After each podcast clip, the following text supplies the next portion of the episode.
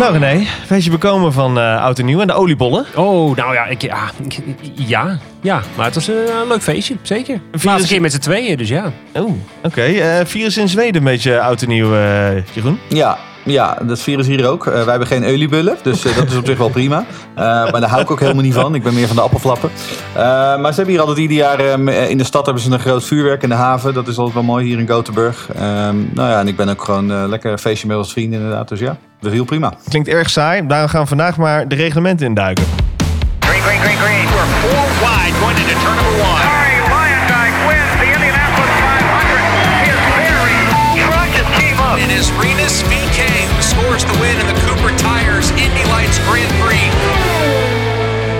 Dit is Green Green Green, de podcast. Met René Hoogterp, Jeroen Demmendaal en Frederik Middelhof.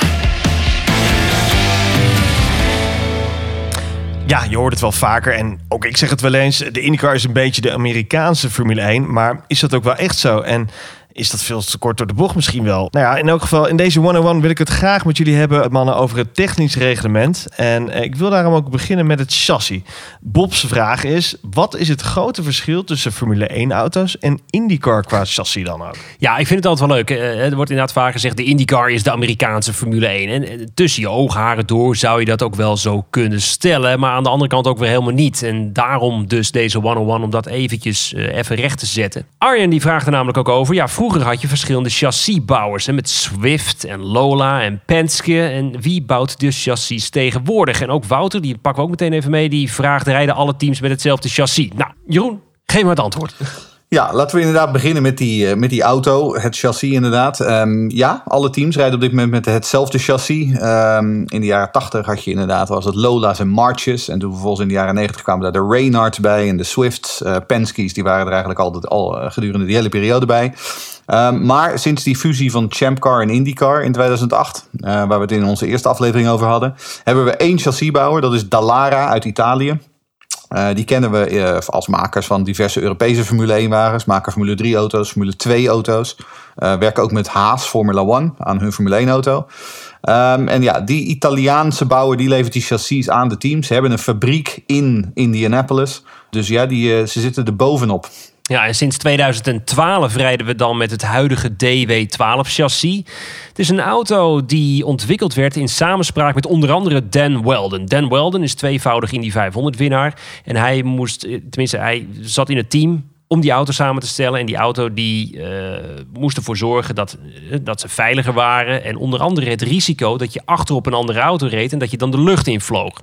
Dat risico dat moest beperkt worden. Maar maar, nou ja, dat zeg je inderdaad goed. Want tragisch genoeg zou Dan Weldon nooit in deze auto gaan racen. Omdat hij notabene in de laatste race van de vorige generatie IndyCars... het leven liet in een, ook weer een vreselijke klap was dat. Waarbij hij juist door de lucht vloog en in de hekken terecht kwam. Omdat hij achterop een andere auto reed. Nou, het was sowieso, er gebeurde echt veel meer in die, in die, hele vreselijke klap in eh, Las Vegas. En dat is dus de reden dat de huidige auto de DW12 heet. Genoemd naar de Brit Dan Weldon. Maar goed, eh, in die eerste jaren van die auto mochten weinig op aerodynamisch vlak aangepast worden. En de IndyCars lijken wat dat betreft op een soort specklasse, zoals de Formule 3 of de Formule 2, waarbij alle auto's hetzelfde zijn. Maar ook dat is eigenlijk niet helemaal waar, want de teams mogen wel hun eigen ophanging ontwikkelen. En waarbij vooral de schokdempers een, uh, een heilige graal vormen. Veel voordeel bij halen, toch? Absoluut, ja zeker. Ja, en is het nu natuurlijk zo dat we sinds twee jaar geleden... Uh, is die DW12 eigenlijk een beetje ontwikkeld... in de richting van de, de meer klassieke vorm uh, van hoe de IndyCars er in de jaren 90 uitzagen. Um, want in die eerste jaren van de DW12 zaten er allemaal rare ja, wat zullen we ervan zeggen? Spoilers en, en, en bumpers op. En het, het, zag er een beetje uit als een zo'n kart waar je je vierjarige zoontje voor het eerst inzet. maar. Zo zagen ze eruit. Um, dus niet heel erg strelend voor het oog. En de huidige generatie auto's ziet er wat dat betreft wel een stuk beter uit. Maar goed, zometeen komen we weer terug bij het chassis en de aerodynamica. Laten we een kleine sidestep maken richting de motoren. Want sinds die tussen aanhalingstekens nieuwe IndyCar-klasse, die we in 2008 kregen, lag er eerst een Honda zonder turbo achter in elke auto. En met de komst van het nieuwe chassis in 2012 past dus ook direct het motorenreglement aan. Nou, die turbo die kwam weer terug. Um, en dus rijden ze nu met een 2,2 liter twin turbo V6.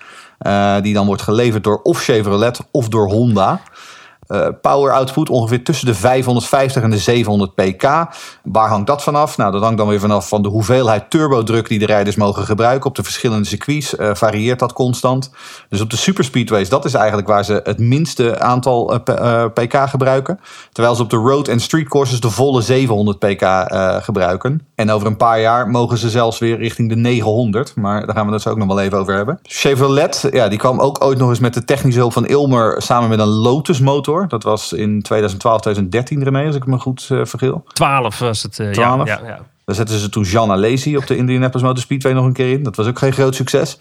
um, maar ja, dat kwam eigenlijk, die motor die kwam eigenlijk uit uh, van de plank van Judd Engines. En Judd, dat is dan weer iets wat in de jaren 80 een, een motorenmaker was. Maar goed, dat Lotus verhaal laten we dat meteen weer vergeten. Want dat was eigenlijk gewoon een grote aanfluiting. Hoe dan ook. En dus hebben we nu sinds 2013 nog twee motorfabrikanten, René. Ja, klopt. Uh, Honda en Chevrolet. In uh, 2015 was het dus wat, uh, nou, wat vrijheden op het gebied van de ontwikkeling van de aerodynamica. Waar je net al eventjes naar schetste, Jeroen. Ehm, het, het, nou ja...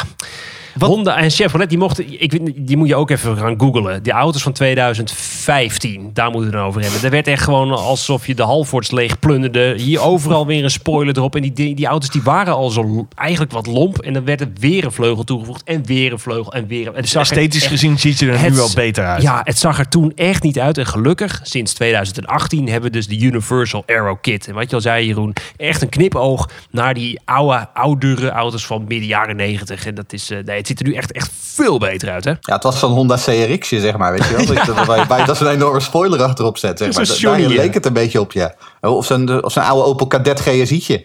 Ja. Uh, dat was een beetje dat idee. Uh, dat, ja, het zag er gewoon niet uit. Ik bedoel, ik vond IndyCar racen leuk, maar het zag er gewoon niet uit. Uh, Honda of Chevy, wat moet je achterin hebben liggen? Wat is nou het beste? Wat ik, wat ik heb begrepen is dat uh, Honda over het algemeen meer koppel geeft. En Chevy, wat meer, de Chevrolet motor, wat meer top-end vermogen geeft. En dat, dat, dan zou je even simpelweg gezegd voor de, uh, de, de, de, de, de super speedways, dan wil je een Chevrolet hebben. Voor de road en street courses wil je een Honda hebben. Als je het gewoon streetwise zou bekijken, zou het echt precies andersom zijn. Anticyclische Honda's zijn vaak uh, hoogtoerige stofzuigers. en Chevy's zijn vaak rondborstige V8'en die heel veel koppel onderin hebben. Dus wat dat betreft is het best anticyclisch. Uh, wat, wat wel leuk is, de, de, die, die, die auto's die er nu echt veel beter uitzien. Uh, genereren eigenlijk niet eens zo heel veel downforce. Dus de, de vleugels die erop zitten, ja, hartstikke leuk. Maar over het algemeen wordt het meeste downforce gegenereerd met de underbody, oftewel de diffuser. En dat, laat dat nou iets zijn wat we in de Formule 1 in 2021 ja, ook krijgen. Exact, ja. Goede ontwikkeling. Faamde ground effect inderdaad. Ja, dat, dat, hebben ze op die nieuwe IndyCars hebben ze dat een stuk beter begrepen. Waardoor het dus ook makkelijker is om uh, dicht op de voorligger te rijden zonder dat je meteen een hele klap downforce verliest. Nou dan hebben we natuurlijk inderdaad, hè, het, uh, we, hebben, we hadden het in onze eerste aflevering al over de verschillende circuits. En de auto's op een super speedway, die zien er heel anders uit dan op een street circuit. Uh, want op een street of een road course, dan hebben de auto's de echte maximale vleugels erop zitten. Dat zijn de, de, de wegcircuit uh, aero kit. Nou, dat heeft dan in het Amerikaans uh, meten ze alles niet in kilo's, maar in ponden. Dus dan heb je 5400 pond aan downforce. Dat is een heleboel. Uh, het, het oude grapje van dat je een Formule 1 wagen ondersteboven in een tunnel kunt laten rijden. Nou, dat geldt bij een, uh, bij een IndyCar je komt dicht in de buurt. Maar op een superspeedway, waarbij die auto's dan weer zo min mogelijk downforce moeten hebben. Daar hebben ze een heel. Ja, dat is eigenlijk gewoon alsof je een plankje bij de IKEA haalt. En dat is het enige wat je er dan op hebt liggen. En verder gewoon zien, zijn het eigenlijk gewoon sigaren geworden, die auto's. Dus ze zien er niet alleen heel anders uit, maar ze rijden op dat moment ook gewoon heel anders. Um, en dat maakt IndyCar tot die mooie, diverse raceklasse die het is. Ze zijn met Formule 1 natuurlijk ontzettend bezig met het vergroenen van de sport. In hoeverre wordt het nu vandaag de dag een IndyCar doorgevoerd? Nou, het, het, leuke is, kijk, de IndyCar, eh, hoewel je dat op het eerste gezicht niet zou zeggen, maar ze zijn al best groen bezig. Want sinds het turboreglement in 2012 dus, met die nieuwe, nieuwe motoren, rijden de auto's op een biobrandstof. Uh, althans, 85% van het brandstofmengsel is van bioethanol. Ja, en daarnaast, ja, de, de, hybride technologie, ook dat gaat komen. Het, niet komend seizoen, niet in 2020, niet in 2021, maar per 2022 zal er een, een soort universele hybride component, eigenlijk iets wat lomp, als ik het zo maar zeggen, wordt dat gewoon toegevoegd aan de motor. Het is een, een dingetje wat je toevoegt. Dan heb je ja, en meer vermogen, wat Jeroen net al schetste.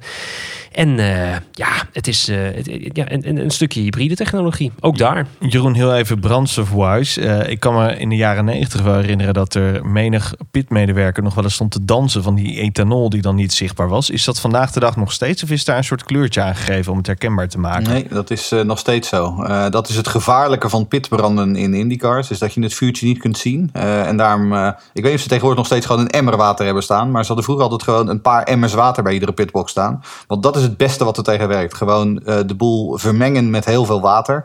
Uh, en dan uh, doof je dat vuurtje. Als iemand nu weer zit te denken, ik wil nog wel eens wat zien qua YouTube. zoek even Arie Luijendijk op in 1988 op Phoenix. Uh, toen reed hij in een goudzwarte Provimi-wagen. En toen had hij op Phoenix had hij één pitbrand. Um, en je ziet uh, Arie Luijendijk daar een uh, mooie salto met driedubbele schroef maken... terwijl hij uit zijn cockpit springt. Want die stond op dat moment ook gewoon in lichte laaien. Zo heb je er heel veel. Service Paradise in 2006 uit mijn hoofd was er ook eentje. Het, dat is ook heel, heel raar, heel vreemd om naar te kijken. Want je ziet iedereen mm. in paniek. Maar ja, op dat moment, het is eigenlijk, vaak zijn die pitbranden dan misschien wel net zo heftig als wat bijvoorbeeld de Jos Verstappen meemaakte in 94 Hockenheim. Maar ja, daar was het meteen heel duidelijk wat er aan, aan de hand is. En zo'n ethanolbrand, methanolbrand, die zie je niet. Heel raar, heel raar is dat. Goed, we gaan weer naar de vragen die jullie uh, hebben ingestuurd via onze Twitter-kanalen. Uh, Jeroen, via welk kanaal kan dat? Noem het nog maar even. Um, nou, uh, de, ons Twitter-kanaal is Indie Podcast NL. Uh, als je daarop zoekt op Twitter, dan vind je ons. Dank voor het inzenden van de vragen. Uh, Dennis vraagt onder andere: Denken jullie dat met het intreden van hybride technologie in 2022 er meer motorfabrikanten instappen? Ja, het is altijd wel een, een wens geweest vanuit de IndyCar-organisatie. Er zijn verhalen geweest dat Porsche misschien zou instappen. Ik hoor dan, dus dan weer links-rechts, omdat Cosworth dan misschien weer toch wel weer iets wil doen. Maar ik, ja, ik weet het niet. Het zou kunnen hoor, dat hybride technologie zou kunnen helpen. Maar het is een universeel, soort OEM-product wat ze volgens mij gaan toevoegen. Wat niet zozeer te maken heeft met ofwel Honda ofwel Chevy. Dus ik, uh, ik ja, het zou kunnen, maar ik, uh, ik, ik, ik, ik, ik, weet het niet. Jeroen, wat denk jij? Ja, ik denk, ik denk wel dat het voor de groei van de sport is het nodig. Uh, het zou heel erg goed zijn. Er gaan verhalen dat Toyota misschien op termijn wel gewoon weer terugkomt. Toyota is natuurlijk ook sinds enkele jaren in de NASCAR, maar ook NASCAR, ja, dat staat allemaal een beetje op losse schroeven. Dus misschien dat die de boel wel verschuiven. En een andere, Kia Hyundai wordt heel veel genoemd. Ja. Kia Hyundai zijn enorm groot in Amerika. zijn ook flink aan de weg aan het timmeren qua hybrides. Um, dus misschien dat Kia Hyundai, hè, die natuurlijk ook uh, wat meer sportievere merken uh, en auto's op de, op de um, markt hebben gebracht in de voorbije jaren, dat die proberen om op die manier hun sportieve kant wat, wat, wat meer te belichten. Hey, dan nog een vraag binnengekomen van Michiel. Wat vinden jullie van het Aero Shield? Dat is lange tijd getest is afkomstig van Red Bull Technologies, toch? Klopt, klopt. Het is eigenlijk een, uh, het is een, een, een, doorontwikkeling op uh, dat, uh, het, hoe heet het dat ook alweer? Was het ook het, het Shield? Toen ze dat toen ook in de Formule 1, waar Vettel toen nog een keer mee gereden heeft. En Red Bull heeft er ooit, heette dat ook het Shield? Nou ja, goed. Ja, in ieder geval, nou ja, dat, ja. dat ding wat toen afgeschoten werd door uh, bijvoorbeeld Sebastian Vettel, die zei van ja, ik kan er helemaal niks mee. Nou, dat en uiteindelijk de Halo werd. En dat werd dus de Halo. Uh, ze hebben het nu doorgevoerd in de IndyCar. Ik heb het idee dat dat niet helemaal vrijwillig, eh, nou ja, vrijwillig ging. Maar ik denk, ik denk wel dat het een goede ontwikkeling is geweest. Maar net zoals met de Halo, en ik weet niet hoe Jeroen daar zelf over denkt. Ik vind het maar een halfbakken oplossing. Maak die cockpit nou gewoon dicht. Dat is de meest veilige manier. De engineers die zouden het ook alleen maar prettiger vinden als die, die, vervelende helm die de luchtstroom vreselijk verstoort. Een engineer zou alleen maar blij zijn als die cockpit dicht is. En ik heb het idee, we moeten niet gaan doen alsof dat technisch niet haalbaar is. Ik bedoel, het zijn hele knappe koppen die die auto's kunnen ontwikkelen. Maar goed, dat ben ik haalbaar zonder twijfel. Um, maar ik bedoel, wat is dan nog het verschil tussen de, um, de prototypes in het, uh, in het World Endurance Championship en een, uh, en een open wheel uh, car? Dus ik ben een beetje traditioneel wat dat betreft. um, wat betreft, ik denk dat de Aeroscreen er een stuk beter uitziet dan de Halo. En wat dit moeten we natuurlijk niet vergeten. In de IndyCars hebben we in 2015 ook daadwerkelijk iemand verloren. Doordat hij een enorm groot voorwerp tegen zijn helm kreeg. Dat was Justin Wilson, ook een Brit. Uh, die daarbij het leven liet. Uh, in de Formule 1 natuurlijk uh, tien jaar terug had je nog Felipe Massa... die in een of andere iets ding tegen zijn helm aan kreeg. Maar in IndyCar is er daadwerkelijk iemand dan overleden. Dat heeft ook deze ontwikkeling wel sneller gemaakt. En ik bedoel, onlangs gooide Chip Ganassi Racing de auto van Scott Dixon op Twitter. hoe het er nu uitziet zeg maar, als die aeroscreen helemaal echt in het chassis verholpen is Ja, en het ziet er gewoon goed uit, uh, vind ik persoonlijk. En ik vind het er zeker beter uitzien dan, uh, dan, de, dan de Halo. Dus. Hey, Jeroen vraagt, en dit is niet Demmerdal... er wordt altijd gezegd dat F1 qua technologie veel geavanceerder is dan IndyCar. Uh, Madden, in hoeverre klopt dit en waar komt dit vandaan? Aangezien er juist veel vooruitstrevende techniek uit de Verenigde Staten komt, toch? Ja, dat is natuurlijk wel zo. Maar um, het gemiddelde Formule 1-team geeft, uh, nou, wat zullen we zeggen, factor 40 uit uh, aan, zijn, aan zijn auto... vergeleken met een IndyCar-team. Um, het verschil is ook natuurlijk dat je... hier heb je alleen Dallara die die chassis aan het ontwikkelen is. in de Formule heb je tien verschillende teams... die allemaal honderden miljoenen uitgeven... en tegen elkaar aan het opbieden zijn. Competitie leidt gewoon tot meer tot, tot meer technische ontwikkeling. Maar dat komt ook omdat er gewoon veel meer geld in omgaat. Laat ik hem terug, teruggeven aan uh, Jeroen. De vraag stellen van, nou, is het heel erg dat er uh, veel minder geld uitgegeven wordt dan IndyCar? Ik denk het niet. Ik wil een leuke raceactie zien. Goed, terug naar de theorie, mannen. elke raceklasse heeft wel zijn eigen reglement, zijn eigen spelregels ook wel genoemd. En hoe ingewikkeld de Formule 1 misschien wel is, is de IndyCar misschien in de basis wat simpeler.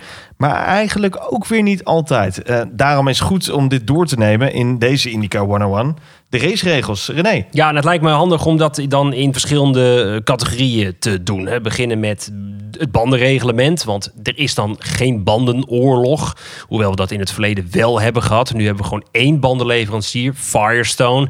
Wat uh, sinds eind jaren 80 in het bezit is van de Japanse bandengigant Bridgestone. Dat kennen we weer uit de Formule 1. Wat wel een groot verschil is met de Formule 1 is de velgmaat. Want... Uh, nu nog in de Formule 1 hebben we 13, inch, velgen. Dat gaat natuurlijk 18 inch worden. Uh, bij de IndyCars hebben we 15 inch velgen. En dus zijn de banden ook wat platter. Dus het ziet er net even wat stoerder uit, als het mij vraagt. Ten opzichte van de 13 inch in de Formule 1. Um, en dan hebben we het over het bandenreglement. Want ook in de IndyCars hebben een bandenreglement. Op de road courses, dus de normale circuits tussen aanhalingstekens, heb je te maken met het bandenreglement waarbij je twee bandencompounds hebt. De normale hardere compound met een normale zwarte wang van de band. Dus het is gewoon zichtbaar. En de reds, zo noemen we ze, met inderdaad een rode bandenwang. En die rode wang is dan de zachtere bandencompound die... Eh, logischerwijs meer grip levert, maar ook sneller slijt. En in de race moet je gebruik maken van beide bandencompounds. Dus wat dat betreft is het redelijk vergelijkbaar wat we in de Formule 1 hebben. Ja, en dan heten ze in Amerika worden ze ook nog wel regelmatig de option en de alternate tire genoemd. En hoe, hoe zit het dan in de kwalificatie, Wanne? Um, nou, de kwalificatie, ja, dat, dat, krijg we ook weer. Dat is ook weer twee verschillende reglementen. Uh, want je hebt namelijk op de road and street courses, daar heb je, um, nou, wat we eigenlijk wel kennen uit de Formule 1. Uh, een soort Q1, Q2, Q3 systeem. Dus wat je daar dan hebt, in, in het eerste segment heb je twee groepen auto's. Uh, afgelopen seizoen hadden we 24 fulltimers over het algemeen. Dus dat je twee groepen van 12. Uh, die groepen zijn dan gebaseerd op de posities in de laatste vrije training. En dan heb je weer oneven nummers en even nummers. Um, uiteindelijk, het maakt allemaal niet zo heel veel uit waar neerkomt. Twee groepen van 12. En die mogen allebei um, een minuutje of tien mogen die de, eh, de, baan oprijden. Om een snelle rondetijd neer te zetten. En uit iedere groep gaan de snelste zes gaan door. Nou, dan heb je in het tweede segment, dan hou je er nog 12 over. Die rijden tegelijk op de baan, weer 10 minuten. En dan weer gaan de beste zes door. En die komen dan terecht in het laatste segment. En dat is de Fast Six.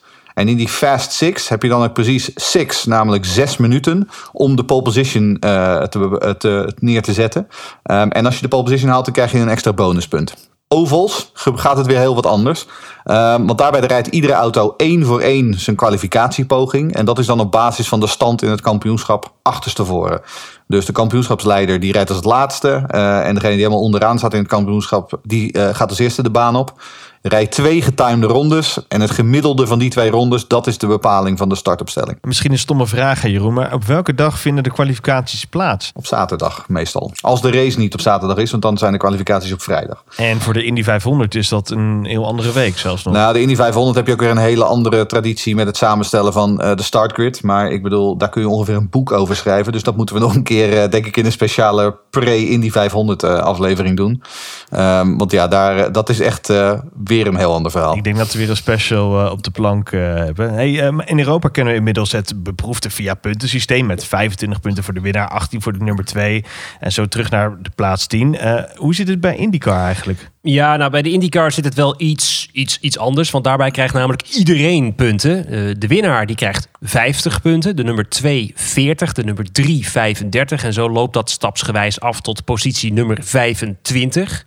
En die 25ste uh, man die krijgt 5 punten. Nou sterker nog, iedereen daarachter krijgt vijf punten. Voor de boeit eigenlijk.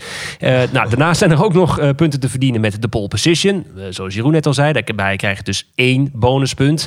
Maar ook als je een ronde aan de leiding hebt gereden, krijg je één punt. En de rijder die dan het meeste aantal rondes aan de leiding heeft gelegen, krijgt ook nog eens twee bonuspunten. Dus ja, dat klinkt ingewikkeld, maar het wordt allemaal via de IndyCar-app. Kun je het real-time volgen wat de stand in het kampioenschap En jij vertelt het toch even aan het eind van de race? zeker, op, zeker, absoluut hoor. Of het komt gewoon in beeld, net zo makkelijk. Er zijn nog twee um, races waarbij de dubbele punten te verdelen zijn. Te weten, natuurlijk zou ik bijna willen zeggen de Indy 500, maar ook de slotrace van het seizoen. En ja, en dat zorgt er wel voor dat vaak pas in de slotrace uh, het kampioenschap uh, beslist wordt. Ja, nou, safety cars. Uh, Frederik, je had het er al over. Sorry, um, ja. ja. als je de niet doorgewinterde IndyCar-kijker vraagt, uh, die zegt ja, ja, want in Amerika gooien ze altijd voor het minste of het geringste. Als er een plastic zakje op de baan ligt, dan gooien ze al die safety car de baan op. ja, um, nou, dat is op een aantal manieren niet waar. Uh, ten eerste bestaat de safety car in, in Amerika niet, want daar heet hij namelijk de pace car. Dat is heel belangrijk. Dat moet, je goed, dat moet je goed zeggen. En zo vaak komt die pace car ook weer niet de baan op. Wel vaker dan in de Formule 1, maar dat heeft gewoon ook met veiligheidsaspecten te maken. We hadden het hier al eerder over. als er op een oval iets gebeurt, dan is het vaak gewoon serieus. Dus dan heb je, zoals het in het Engels heet, een caution of in yellow. Uh, en dan, moet er gewoon, dan moeten de mensen de baan op, die moeten de baan schoonvegen. Uh, dus dan moet gewoon het tempo naar beneden en dan moet die pacecar de baan op.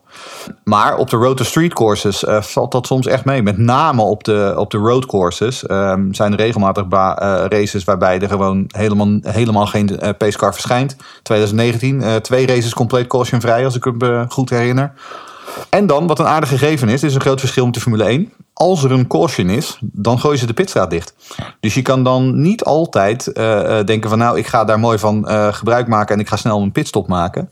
Um, nou is het dan op een gegeven moment wel zo dat de raceleiding na enkele ronden vaak, als die caution wat langer duurt, dan gooien ze de pitstraat open. Maar dan ook tegelijkertijd voor iedereen. Um, dus dat is een groot belangrijk verschil met, met de Formule 1. Nou Jeroen, als je het dan hebt over die pitstops. Iris stelt de vraag. Eh, volgens mij zijn ze volledig anders dan uh, bij de Formule 1. Uh, René? Ja, nou ja, ja in, in, meerdere opzichten zijn pitstops bij de IndyCar anders dan in de Formule 1. Op de eerste plaats omdat we nog, we nog bijtanken bij de IndyCar. Dus het is eigenlijk wat dat betreft ouderwets. En over ouderwets gesproken, bij de Formule 1 heb je gewoon drie man per wiel. Ja. In de IndyCar heb je één, één man per wiel. En wat dat betreft is het toch ook gewoon...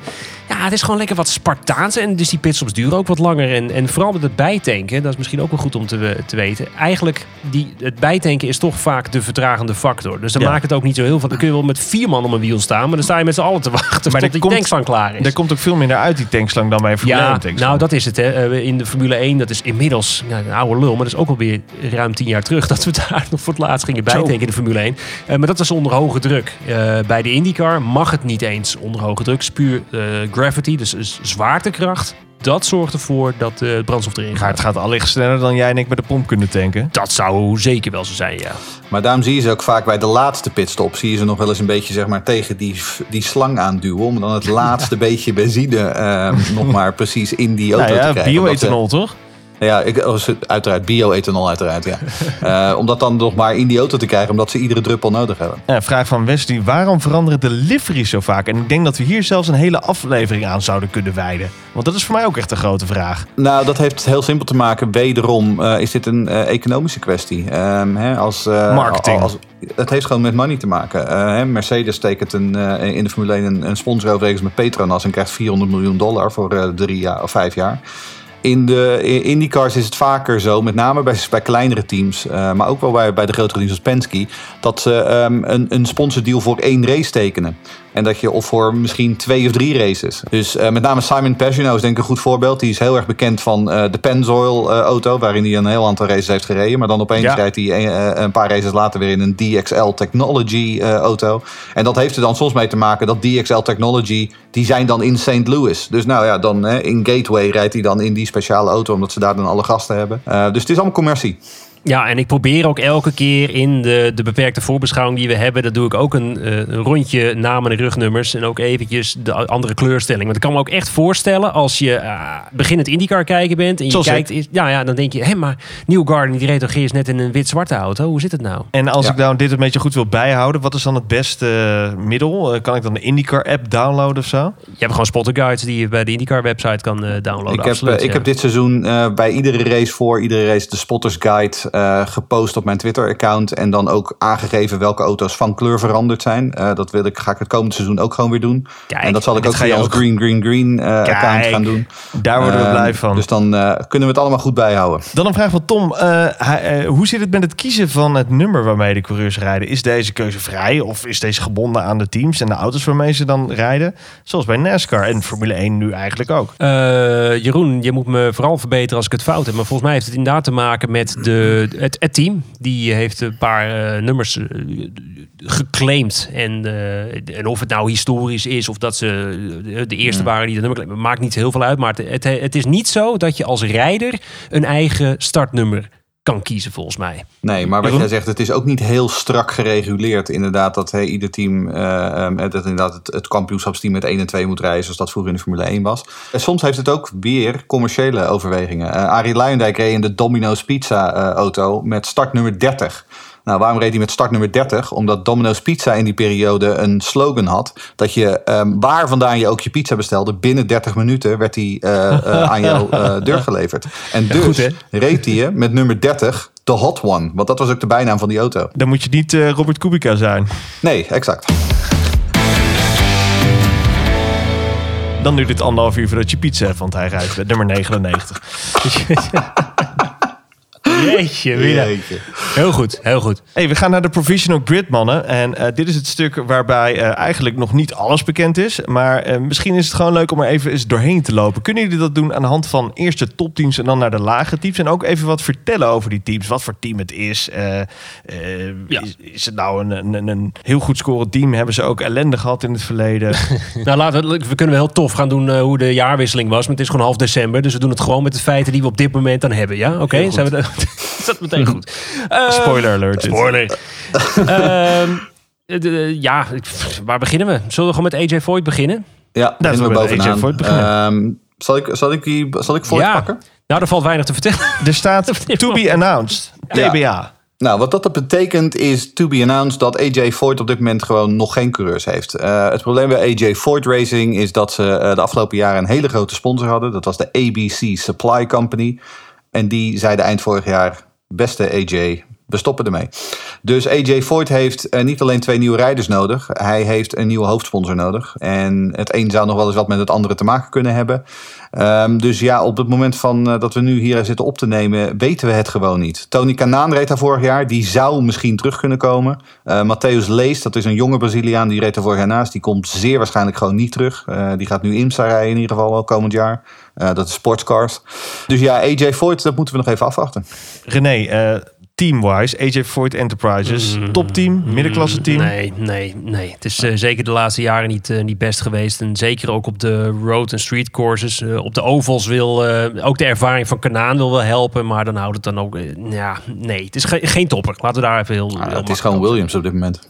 Ja, nou ja, Toch wel, ja, ja. ja. En dat is dan ook, en dat en daar is, dat is een hele mooie vergelijking ook. Want AJ Voigt, natuurlijk een bekende naam. Ja. Williams, hele mooie naam uit, uit het verleden, maar vooral uit het verleden. Andretti, ook een naam uit het verleden, maar ook echt wel een grote kans hebben. Hele grote. By far het grootste team. eh, verschillende samenstellingen. ehm, waaronder Colton Hurta. Die is nu nieuw bij Andretti. En nieuw is tussen aanhalingstekens, maar goed. Reed vorig jaar voor een wat kleiner team, Harding Steinbrenner. Eh, financiële problemen is overgenomen, even gemakshalve gezegd, door Andretti. Eh, hetzelfde geldt ook voor Marco Andretti, waarvan we, ik al jaren denk, wat doet die jongen nog in het veld? Niet goed genoeg? Nee, Nee. nee. Een beetje de Lance Stroll? Ja, absoluut. Marco Andretti is absoluut de Lance Stroll. Het punt is namelijk ook dat, net als Lance Stroll, heeft Marco Andretti gewoon geen zorgen. Zolang Marco Andretti IndyCar wil rijden, rijdt hij IndyCar. Dat is gewoon zo. Ja, ja, nee, ja. Ehm, en hij trekt ook nog steeds. ja. En daarom rijdt hij waarschijnlijk nog. Omdat hij best wel veel sponsoren aantrekt. Hij rijdt heel veel met van die eenmalige of tweemalige liveries. Ehm, En dat worden dan associate sponsors ook op de andere auto's. Hij brengt nog steeds wel gewoon veel geld in het laadje. Maar hij heeft ook sinds 2011 geen race meer gewonnen. Nee, dat is inderdaad nee, absoluut geen, uh, geen hoogvlieger. Uh, als we dan even één man eruit gaan halen van Andretti, die groot kanshebber is, is natuurlijk Alexander Rossi. Alexander Rossi, uh, afgelopen twee, drie jaar eigenlijk altijd wel... de blauwe auto, Geel-blauw. Geel, ja. ja, ja, Vaak geel-blauw, soms weer blauw-rood. Maar dat, ook dat gaan we elke raceweekend ga ik zorgen dat dat duidelijk wordt. Hey, en Rossi, ik, grote kans hebben. Gro grote kans hebben. Als ik dan kijk naar het lijstje van Andretti-coureurs. Ik zie er dus, uh, correct me if I'm wrong, drie bij het Andretti-team, als ik goed heb. Uh, Zach Veach, Alexander Rossi en Ryan Hunter-Ray. En dan zijn er dus twee met de, is een soort subteam. Of is ja. dat echt onder de hoed van Andretti? Of een soort van ja. Toro Rosso voor Red Bull? Hoe moet ik dit zien, uh, Jeroen? Ja, het zijn, ja, dit zijn dan weer associates. wat, ik geloof dat René die legde net eigenlijk al de Harding Steinbrenner uh, constructie uit. Harding Steinbrenner was een klein team, werd overgenomen door Andretti.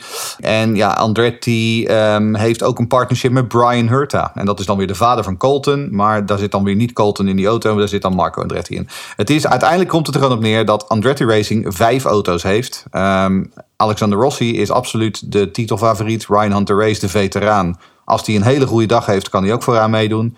Uh, Zack Fiets, ik heb eigenlijk geen idee meer wat, waarom Zack Fiets nog in die auto zit. Waarschijnlijk ook omdat hij nog een sponsor heeft. Ja, um, een hele, hele lucratieve sponsor hè, heeft hij. Die, uh, ja, had voor drie jaar had hij meteen, ja. ja, had voor drie jaar meteen nog getekend. Dus. Zack Fiets, waarmee kunnen we die vergelijken als we dan elders in de autosport kijken?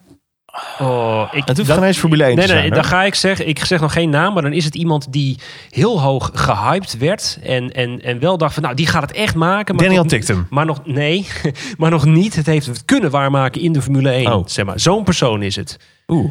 Dus iemand Ja. die wel echt gaat. Hulkenberg. Misschien Nico, Nico Hulkenberg. Hulkenberg. Misschien wel. Nee, nee, nee, nee, want Hulkenberg heeft nog wel gewoon enige prestaties geleverd. Ik bedoel, Fiets komt net kijken. Fiets was in, in, de, in de lagere klasse, dus wat dan in hè, de Indy Lights en, en daaronder, was hij best goed. Maar eh Fiets heeft gewoon heel veel aanpassingsproblemen gehad. Laten we het daarop houden. Ehm, Hij kan best sturen, Robin maar het is een heel klein iel mannetje. Ehm, en ik, weet- ik vraag me af en toe wel af of hij wel sterk genoeg is. Ja. ja, dat zou zomaar kunnen, ja. Laten we doorgaan op de grid, mannen. Eh Arrow McLaren. Dat is natuurlijk eh, een nieuw soort samengevoegd team, hè? Ja, dat was eh, ooit Smith Peterson ehm, Motorsport eh, tot en met vorig jaar. Eh, toen reed daar nog James Hinchcliffe uit Canada, ehm, die zichzelf ook de Mayor of Hinchtown noemt. Eh, James Hinchcliffe is denk ik de meest populaire IndyCar-rijder die er is. Eh, Soort Daniel Ricciardo, hè? Een soort Daniel Ricciardo, inderdaad. Prima eh, vergelijk.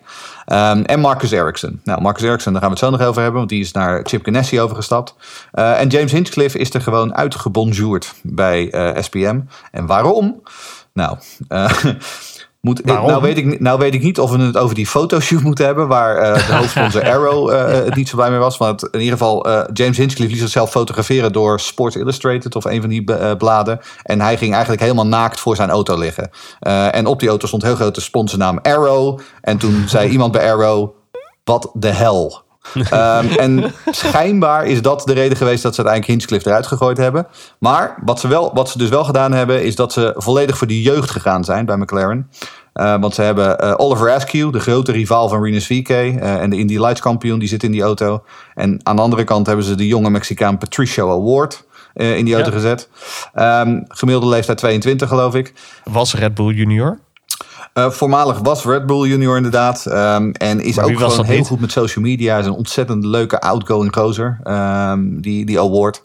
Ik denk dat McLaren ehm, een, hele goede, een hele goede keuze gemaakt heeft met die twee Hey, en dan staat er nog een derde zitje staat er nog vrij, to be announced. Wie zou daar mogelijk eh ja, kanshebber zijn, René? Ja, nou, wie zou dat nou zijn? Nico Hulkenberg.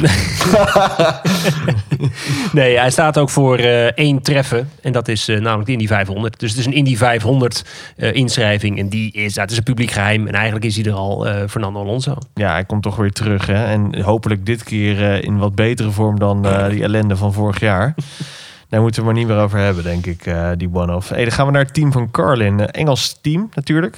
Over de plas gegaan. Eh, hebben hun zitjes nog openstaan. Ja, dat was al, eh, hadden we het eh, de vorige podcast ook al over. Carlin is echt zo'n team die ja, heel veel problemen heeft gehad met, met centjes. En de invulling van de stoeltjes. Heel veel mannen hebben daar plaatsgenomen. En ik vraag mij, ik, ik, mm, ik hoop dat ze goede fulltime zitjes kunnen verkopen. Waar kunnen we Carlin verwachten eigenlijk? Nou, ja, dat is dus de vraag. Want dat hangt helemaal vanaf wie er in die auto's komen te zitten. Kijk, de constante factor de afgelopen paar seizoenen is Mac Chilton geweest. Um, zijn vader, Max Chilton. Uh, um, nou, moet Graham, je nou hebben, Graham Chilton. Greg, Greg, Greg, Um, die heeft uh, een aandeel in het team, uh, is een groot geïnvesteerder geweest. Maar toen besloot Max Chilton uh, vorig seizoen op, opeens dat hij geen ovals meer wilde rijden. Nou, dat helpt natuurlijk ook niet. Um, en Max Chilton heeft gewoon gezegd, weet je, die ovals, het zit me niet lekker. Ik ben er klaar mee. Maar daarmee zijn ze wel weer een stukje um, consistentie en een stukje stabiliteit kwijtgeraakt. er gaan vrij stevige geruchten dat Sergio Sette Camara uit de Formule 2 naar Carlin overstapt. Uh, Sergio Sette Camara heeft een hoop centen uit Brazilië. Um, hij reed ooit de, de uh, Macau uh, en Formule 2 bij Carlin. Dus de twee hebben een verleden. Um, nou, dat zou een goede fulltime seat zou kunnen zijn. Um, en ook Charlie Kimball, een Amerikaanse rijder die vooral heel goed is op de ovals. en ook in het verleden voor Carlin heeft gereden. Die zou ook weer terug kunnen komen. Maar het zou me ook niet verbazen als Carlin met anderhalve auto aan de start uh, verschijnt uh, dit seizoen. Ja, het is, het is niet echt een team waar we heel veel van uh, kunnen verwachten. To be announced. En misschien ten tijde van dat jij deze podcast luistert, is het plaatje al ingevuld. Of... Zou zomaar kunnen. Of is Carlin van de kalender verdwenen. Dat kan ook. dan gaan we naar Chip Ganassi Racing. En dat is wel een redelijk bekend team. Redelijk? Nou, dat is echt een van de grote... Als je Penske is dan misschien Mercedes. Dan is Ganassi misschien wel... McLaren. Nou, Red Bull. Uh, ja, ja, nou, Red Bull, ja. Uh, gewoon echt, echt heel veel titels behaald in het, uh, in het verleden. En ook in het meer recentere verleden met Scott Dixon. En Scott Dixon is altijd kans hebben voor, voor de titel. En nou, had vorig jaar Felix Rozenquist als, als goede rookie. Absoluut een hele goede, goede rookie. Had heel graag een wedstrijd willen winnen. Het was erg spannend toen op Mid-Ohio. Geweldige ja. slotfase was dat. Waarbij Scott Dixon echt eventjes de schouder ertussen zette. Nee vriend, deze pak ik gewoon eventjes. Ja, en er zit Marcus Eriksen bij. En uh, naar verluid voor heel veel centjes heeft Marcus Eriksen een stoeltje gekocht. Maar hey, wel twee Zweden, Jeroen. Ja, absoluut. Nee, ik bedoel hier in Zweden wordt hier heel veel van verwacht. Van die, uh, ten eerste zijn ze nu teamgenoten. Uh, ten tweede zitten ze nu allebei bij een topteam. Um, ik denk eerlijk gezegd dat Marcus uh, een hele zware dopper aan uh, zijn twee teamgenoten gaat krijgen. Want ik denk gewoon dat hij de minste is van de, van de drie. Uh, maar wat je zegt, hij, hij heeft gewoon flink veel centen. en dat vinden ze bij Chip Ganassi ook mooi. Um, en ja, ik bedoel, het is absoluut een promotie ten opzichte van SPM, waar Ericsson vorig jaar reed. Dus ja. En dat is misschien ook wel leuk. Uh, we hebben het eerder over gehad. Van nou ja, de, de, de IndyCar-rijders die dan uh, goed genoeg zouden zijn voor Formule 1. En, en daarom vind ik het ook zo prettig. Ik vond het ook vorig seizoen best prettig om te zien dat Marcus Eriksen niet goed zomaar voor beide. Nou ja, niet, zo, nou, niet zomaar opeens dat veld oprolt. Want dan zou het meteen, nee. alles zouden we dan meteen ja, kunnen op, opdoeken. Van ja, eh, dat, dat geeft dan wel aan wat dan het niveau zou zijn. Daarom ben ik eigenlijk stiekem wel blij dat Marcus Eriksen ook echt niet heel goed was vorig jaar. Ik heb dus wel, ik zat dus laatst uh, even op YouTube de race van Laguna Seca terug te bekijken van vorig jaar. En um, toen dacht ik wel van, wat als je nou de huidige grid van de Formule 1 in die IndyCar zou zetten, wat zou er dan gebeuren qua, qua krachtsverhoudingen? Spierpijn. Oh, dat bedoelde je niet. Ja, vooral, ja, vooral spierpijn. Ik bedoel, spierpijn we het over Marcus Eriksson hebben. Die heeft hier uh, ook in Zweden een aantal interviews verteld. Die heeft zo ontzettend veel overuren in de sportschool moeten draaien om die auto's op de baan te houden. Want wat ik bedoel, zo'n stuurbekrachtiging in de Formule 1-wagen, ja, dat maakt het allemaal toch gewoon wat lichter om, om, die, om dat ding de bocht om te krijgen. En als je hem, vooral naar Detroit, waar die tweede werd voor uh, uh, dit seizoen, ik bedoel, hij was helemaal gesloopt, Eriksson. Helemaal gesloopt. Uh, het is fysiek ontzettend zwaar. Nou, je moet wat doen voor je centen. Hè? Dan gaan we naar. Uh, René, vertel eens wat over Dale Coin Racing. Ze hebben een, het is een. Het is een... nou, Dale Coin is eigenlijk een beetje de cowboy van, uh, van, van, van, van als, als teammanager. Ook voormalig rijder. Niet heel erg succesvol. Een beetje.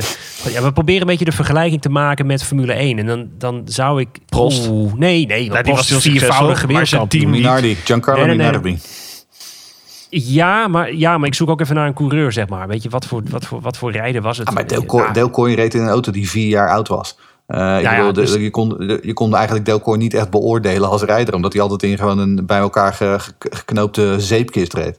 Nou en, en, nou, en met die motivatie is hij dus nu al best wel wat jaren, flink wat jaren overigens al team-eigenaar. En hij is een beetje de, en dat is dan wel weer een hele aardige vergelijking, de Minardi maar wel met een echt wel een topcoureur, met Sebastien Boudet. Uh, helaas zijn ze uit elkaar gegaan uh, voor dit seizoen. En dat is echt wel een aderlating voor uh, Ja, dat is redelijk dat recent nieuws ook nog wel. Ja, dat is, nou op het moment dat je het luistert niet. Maar... Niet nee, maar het is wel... Um, ik, ik, ik, ja, het, ik zou het wel. Het is wel een, een team met een gunfactor. En zeker ook merkte ik de afgelopen uh, jaren. Als we dan Barber Motorsport Spark hadden. Dan is juist uitgerekend Dale en Sebastien Boudet van als iedereen dit doet, gaan wij wat anders doen. Wat dat betreft misschien een beetje vergelijkbaar met een beetje Peter Sauber. Een beetje zoiets mm. van, nee, we gaan even wat anders doen in de, in de goede dagen van Sauber. Eddie Jordan. Misschien nog betere vergelijking. Ja. Zeker, ja, absoluut. Maar helaas nog geen uh, rijders uh, bevestigd tot op dit komt ook met twee inschrijvingen. Dan is het Deelcoin gewoon. En uh, met Vassar Sullivan. Ja, dat gewoon twee auto's. Maar die zijn helaas nog niet, niet bevestigd op dit moment. Maar oké. Okay. Dragon Speed hebben we dan met Chevy Motor. Ja, Dragon Speed. Dragon Speed is een team dat uit de sportscars komt. en die vorig jaar vijf of zes races zouden rijden. Uiteindelijk werden het er maar drie. Uh, maar uh, een hele, hele kleine organisatie met heel weinig geld. Maar die in de Indy 500 uh, vriend en vijand veroorzaakte door zich gewoon zonder enige problemen te kwalificeren. Niet via bump day, niet via veel kunst en vliegwerk. Um, en ze zeggen dat ze dit jaar of in 2020 tien um, wedstrijden gaan rijden. Het hangt er allemaal nog maar een beetje vanaf. Want het is wel de, de, laatste maanden een beetje stil rond Dragon Speed. Ben Henley is dus hun coureur die ze in de, in de sportscars hadden. Um, en die, uh, die rijdt daar ook al heel lang. Dus het is echt een hele hechte groep. Het is een hele, hele aparte, aparte, uh, apart team wel. Waar mag ik het mee vergelijken? Toro Rosso of zo? Nee, nee joh. Nee, nee echt veel kleiner. Nee, het, Is, het is alsof... alsof um, Forti. Maar dan wel succes. Ja, het is alsof MP Motorsport opeens besluit om de Formule 1 in te gaan. Weet je wel? Het is, het is een heel, heel, heel speciaal, uh, speciaal team. Dan komen we bij uh, een belangrijk team, denk ik wel, voor ons Nederlanders. Uh, Ed Carpenter Racing. Ja, uh, Ed Carpenter Racing, als je dat weer moet vergelijken met Formule 1, dan is dat dan misschien wel een soort Toro Rosso. Want dan, het is een aardig opleidingsteam. Het, het is een goede stap voor de volgende stap. Maar je begrijpt ik bedoel. Het is echt, echt een. Het, het is, als ik moet kijken, is het, het meest ideale team voor Rinus van Kalmthout, Rinus VK, om daar zijn debuut te maken. Ehm, Ed Carpenter, uh, de, de enige driver slash teammanager die, eh, die nog rondrijdt. Uh, Ed Carpenter, echt ovalspecialist. Uh, doet dan ook alleen maar de ovals. Ja, en Rinus van Kalmthout, gewoon een fulltime zitje. En dat is echt wel heel mooi. En ook een hele sterke teamgenoot, hè? Connor Daly. Ja, Connor Daly heeft hier een goede aan. Um, sowieso om zichzelf tegen te meten, maar ook gewoon qua samenwerking. Ik denk dat Rinus, wat je zegt, echt een perfecte situatie heeft. Fulltime deal. Ik, ik moet zeggen, af en toe moet ik me nog steeds een beetje in mijn arm knijpen als ik dat tegen mezelf zeg. Rinus VK, fulltime deal in IndyCars. Um, en hij heeft dus inderdaad twee hele ervaren Amerikanen naast zich... Uh, die hem het hele jaar uh, gewoon de kneepjes van het vak kunnen leren. Um, hey, en Connor Daly, vertel eens wat over hem. Uh, Connor Daly is de zoon van Derek Daly. en Derek Daly, die kennen de, de oudere luisteraars onder ons nog wel uit zijn Formule 1 tijd. Die reed ooit nog een blauwe maandag voor Williams in de vroege jaren 80. Uh, en vertrok daarna naar Amerika. Reed uh, een aantal jaar in, uh, in, in de kart series. was daar vrij succesvol. En werd daarna, net als Bobby Unser, werd hij commentator op de televisie. Deed werd daar heel populair met zijn Ierse tongval. Um, en heeft zich, heeft zich gevestigd in Amerika. Um, en en heeft daar een, een, een jonge zoon gekregen, um, Connor Daly. En Connor is een Connor is een rockster. Connor is een, uh, een ontzettende easygoing gozer. Uh, die heel goed is met media, die heel goed is met sponsors, die heel goed is um, op social media. Um, echte publiekslieveling. Echte publiekslieveling. Uh, komt ook uit, uit een voorstad van Indianapolis, het Noblesville. Um, dus ja, echt een zoon van Indiana. En dan hebben we natuurlijk daar tegenover Rieders van Kalmthout. Ook erg likable, zoals je hebt gezegd eerder, René. Maar Absoluut. dan wel met die ruwe snelheid. Dat raw talent. Ja, ik ben heel. Kijk, het is natuurlijk uh, moeilijk oordelen wat hij kan doen. Ik, uh, ik denk nog altijd. Uh, nou, die top 8 die ik zei, dat geloof ik nog steeds wel in. En dat is puur omdat ik denk dat hij het absoluut zou kunnen. Uh, grote vraag is, hoe kan Ed Carpenter Racing uh, zich uh, ontwikkelen? En ik, ben, ik ben heel erg benieuwd hoe die... Maar wat Jeroen al zei, de teamgenoot Connor Daly is echt, echt, een, echt een goede teammaat om te hebben. Gaat het een beetje zoiets zijn als Verstappen Sainz in het jaar 2015 in de Formule 1? Dat ze echt nek aan nek... nou, nee, wat Sainz Verstappen, dat was een veel hardere rivaliteit. Hè? ik denk dat Daly en VK, uh, um, die, die passen wel goed bij elkaar qua persoonlijkheid. Ik denk dat het, sowieso is het in IndyCar altijd een stuk minder uh, ruw en, en, en ellebogenwerk als in Formule 1. Um, nee, ik wil, waar kun je het mee vergelijken? Twee, twee jongens die het, um, een soort Berger lazy, zeg maar, in de oude dagen, zeg maar. Weet je, die gewoon, uh, het gewoon goed met elkaar konden vinden en gewoon samen ja. proberen een team beter te maken. Um, Oké, okay, cool. Dus ja, nee, ik denk inderdaad dat het, uh, dat, het, dat het een goed koppel is, die twee. Dan gaan we naar Meyer Shank Racing uh, met Honda motoren. En die hebben als rijder Jack Harvey. En Jack Harvey, die kennen we allemaal nog wel. Nou ja, Jack Harvey is. Uh, ja, het, het, het, aardige van Jack Harvey is, is dat hij, hij gaat nu. Althans, is nu bekend dat hij dus een fulltime zitje gaat hebben. Is de afgelopen jaren is dat niet voorgekomen. Is nee. een, uh, een rare mengelmoes geweest van verschillende teams. Michael Shank is natuurlijk een rijder die teambaas is geworden. En vooral in de endurance racerij uh, heel erg bekend. En heel veel nou, successen daar geboekt heeft. Het was een beetje een mengelmoes team. Samen met Smith Peterson. nou, die samenwerking is dan nu weg. Omdat Arrow en uh, McLaren natuurlijk die samenwerking heeft gehad. Dus vergeet het ook alles maar wat ik heb gezegd. Het is eigenlijk een vrij klein team. Maar die hebben toch echt echt hele goede dingen laten zien. Die waren vaak, terwijl ze het zusterteam waren, dus laten we zeggen de Toro Rosso van Red Bull, waren ze vaak zelfs nog beter dan het Arrow uh, SPM-team. Vond ik wel heel mooi. En, en ook gewoon een schoolvoorbeeld van hele goede planning. Hè? Ik bedoel, ze begonnen ooit, uh, begon Shank Racing met vijf races, vervolgens werd het er tien, vervolgens werd het er twaalf. Uh, en nu zijn ze gewoon fulltime. En ze hebben, hè, ze hebben longtime partners qua sponsoren, um, die, die ook echt geloven in een lange termijnsplan. Het is, dit, is, dit is een schoolvoorbeeld wat veel kleine teams, bijvoorbeeld het eerdere Dragon Speed, die zouden dat ook graag willen volgen. Datzelfde ja. voorbeeld. En makkelijk te herkennen trouwens, want dit is de paars zwarte auto. Ja, precies. Een beetje de, de racing point van, uh, ja. Zoiets, ja. van de IndyCar. Oké, okay, dus zij zijn dus met een enkele auto uh, komen verschijnen ze aan de start. Uh, dan komt er een ander team en dat klinkt mij wel redelijk bekend hoor. Rail Letterman Racing met Takuma Sato. En Graham Rail. Ja, uh, Rail Letterman in Racing inderdaad. Die zijn er ook al, uh, nou toch inmiddels al zeker wel een jaar of dertig. Uh, Ray Hall, dat is de befaamde Bob Ray Hall. drievoudig IndyCar kampioen. winnaar van de Indy 500. tweevoudig ook. Um, nee, eenvoudig trouwens, sorry.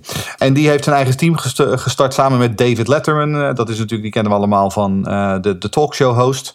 Um, Graham Rail is de zoon van Bob. Graham Rail is tot, een, tot een paar jaar geleden, in 2015 2016 deed hij echt goed mee. Uh, toen was hij zeg maar zelfs bijna een beetje een outsider voor de titel. Uh, de laatste twee jaar is het allemaal wat minder geworden daar. Uh, het is in plaats daarvan is het Takuma Sato. En met Takuma Sato kan het vriezen of dooien. de ene race rijdt hij de sterren van de hemel en wint hij opeens een wedstrijd. En vervolgens de volgende race zet hij hem na twee bochten gewoon weer in de muur. en wordt hij gewoon 25ste. Uh, geen touwen vast te knopen, niemand wat dat betreft. Ja, dat, Takuma Sato natuurlijk, uh, als je hem ziet, dan denk je nog steeds dat hij 23 is. Maar is ook al gewoon, uh, volgens mij, de 40 ruim gepasseerd al. Ja. Maar goed, nog steeds wel heel snel. En het is, wat je al zei, het is het ene weekend bij Sato is hij echt fantastisch. Barber Motorsports Park was niemand die hem kon aanvallen. En ja, we hadden het al eerder over Pocono. ook in 2019 was daar een zware crash waar Sato overduidelijk de veroorzaker van was.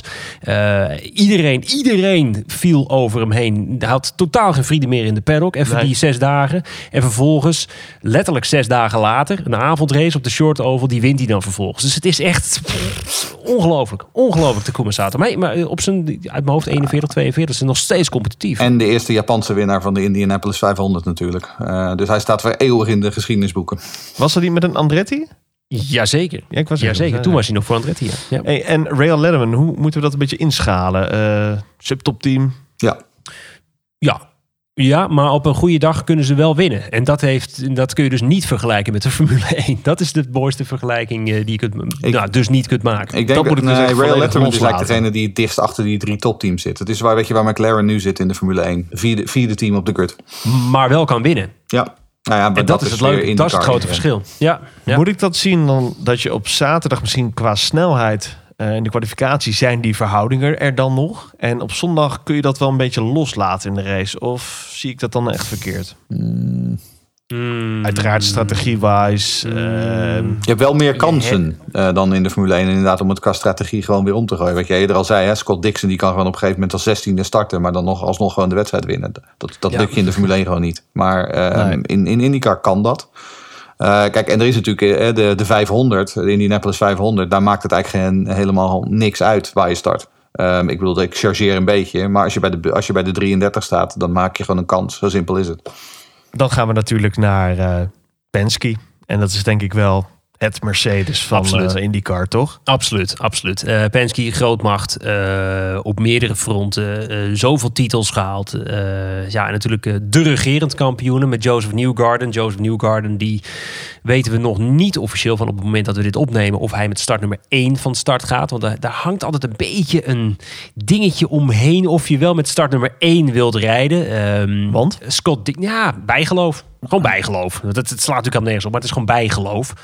Uh, Joseph Newgarden werd in 2017 kampioen. Reed in 2018 met start nummer 1. Dat ging niet echt lekker. Uh, Scott Dixon heeft ook één seizoen heeft hij toen met uh, start nummer 1 gereden. En toen was meteen een, een goede jeugdvriend van hem overleed dat jaar met toen hij de start nummer 1 had. Dus het is dus een beetje bijgeloof. Dus ik vraag me af of Newgarden met nummer 1 gaat rijden. Maar goed, is wel de regerend kampioen. Nou ja, kijk, en als je dan zegt, hè, toen Newgarden met nummer 1 reed en het ging niet helemaal goed, toen werd hij geloof ik nog steeds gewoon derde, vierde in het kampioenschap. Want dat is namelijk ook Penske. Zelfs als Penske een rotjaar heeft, dan worden ze nog steeds gewoon, uh, eindigen ze nog steeds bij de beste vijf van het kampioenschap. Helder. Um, Will Power en Simon Pagenaud trouwens ook. Will Power, mm, ja. Een beetje in de herfst van zijn carrière lijkt mij toch? Ja, daarom. En Simon Pagenaud heb ik ook altijd... Nee.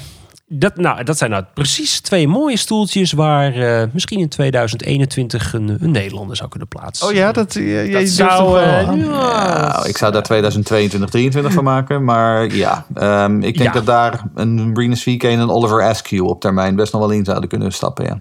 Maar deze zetten we toch wel eventjes op een tegeltje hoor. Podcast nummer 2, Green Green Green. René Hoogterp zegt Rinus 4K nou, Rinus, Het mooie is, Rinus zegt het zelf ook. dus ja, maar hij zegt, Rinus hij zegt geen 2021. Hij zegt nee, nee, nee, nee, nee. Maar ik bedoel meer voor de komende jaren. Dan zou dat, dat is wel het stoeltje wat je graag wil hebben. Tuurlijk. En dat is het dus ook. Het stoeltje van Penske wil je graag hebben. Simon Pagenaud, herfst van zijn carrière. Will Power geldt eigenlijk hetzelfde voor. Joseph Newgarden is echt gewoon de, de jonge revelatie. Echt de American boy. Uh, goede kop. Uh, goed met marketing. Uh, gewoon helemaal, helemaal, helemaal, helemaal goed. Simon Pagenaud, Fransman van origine. Ja, nog steeds heeft ook. Hij in, nog steeds ook, ja precies. Maar heeft hij in Europa ook nog een opleidingstraject gehad? Is hij ook met uh, lagere klasses uh, in, onder ja, de 1 voor mij heeft hij wel in heeft hij Formule 3 Formule Renault gereden. Maar hij is vrij vroeg al naar Amerika ja. gegaan. En toen reed hij in die Atlantics een tijdje. Atlantics, en in die Lights en Champ Car. Um, Want dat is het. Dat zijn de jongens die al vroeg voor zo'n... vroeg naar Amerika gegaan is. Ja, Helder. Uh, Team Penske, nou, daar hebben we het uh, wel een beetje gehad, uh, mannen. De hele provisional grid, zoals het is. En ik denk tegen de tijd dat deze podcast online is, zal de grid denk ik al wel redelijk zijn ingevuld. Ja. Jeroen? Nou ja, wat, wat, zoals het er nu uitziet, krijgen we 24 of 25 fulltime auto's aan, op de baan. En dan heb je inderdaad een aantal teams die dan, een aantal wedstrijden waar je meer auto's op de baan hebt staan. Um, maar ja, 24 à 25 fulltime deelnemers. Ik bedoel, een paar jaar geleden um, wilden we dat heel graag zien. Want toen hadden we 18, 19 auto's. Met een beetje hangen en wurgen. Dus op, op die manier, dat is waar, waar we het ook eerder over hadden. Er zit een stijgende lijn in. En het wordt wel een steeds, um, uh, een steeds gezondere sport. Uh, en ja, er is gewoon heel veel om naar uit te kijken volgend jaar. Het leuke dus van dat, we hebben dus 24 fulltime zitjes. En er zijn er echt gewoon, nou, minstens 12. Dus minstens de helft die gewoon zou kunnen winnen in een wedstrijd. En dat is wel, het, het, het blijft het, het, het, heerlijke verschil eigenlijk wel tussen de Formule 1 en de IndyCar. Er zijn veel meer kanshebbers voor de overwinning. En het daarnaast natuurlijk veel meer actie, veel meer eh, diversiteit. Hey, en we hebben gewoon een Nederlandse IndyCar-coureur. Dat Hoe gaaf is, dat? gek. En gaat hij, wat, wat gaat hij zijn eerste race doen? Uh, finishen. En, uh, en, en, en gewoon binnen de top 12. Jeroen? Ik denk dat hij in de top 10 finish, want hij eh, is altijd goed op St. Petersburg. Hij moet maar eens een keer langskomen, Rinus. Ja, hij moet maar eens een keer langskomen. Rinus, kom langs. Vinden we leuk om eventjes uh, voor te spreken. hey, dit was hem alweer. Onze twee luik eigenlijk uh, verdeeld over de maand december en januari. In februari gaan we eigenlijk alweer vooruitblikken op het komende IndyCar seizoen 2020. Want dat is dit jaar natuurlijk al. Um, enige verwachtingen? Nou ja, uh, wat ik net al zei, het wordt uh, Penske. En uh, ja, er zijn zoveel kanshebbers. Het wordt alleen maar leuk. En een geweldige strijd om Rookie of the Year tussen Askew en VK. Dat wordt Ja, een geweldige zeker. strijd. Daar kan ik echt Zeker. eh, daar kan ik heel erg naar uitkijken. Hey, tot die tijd, hou ons eh, Twitter-kanaal in de gaten. Het Indie. Podcast NL. En abonneer je ook vooral op deze podcast via Apple Podcast, Google Podcast, onze Transistor pagina. Daar kun je ook abonneren. Dat is een handige website. En ja, wij houden natuurlijk ook op onze Twitter pagina het laatste nieuws bij.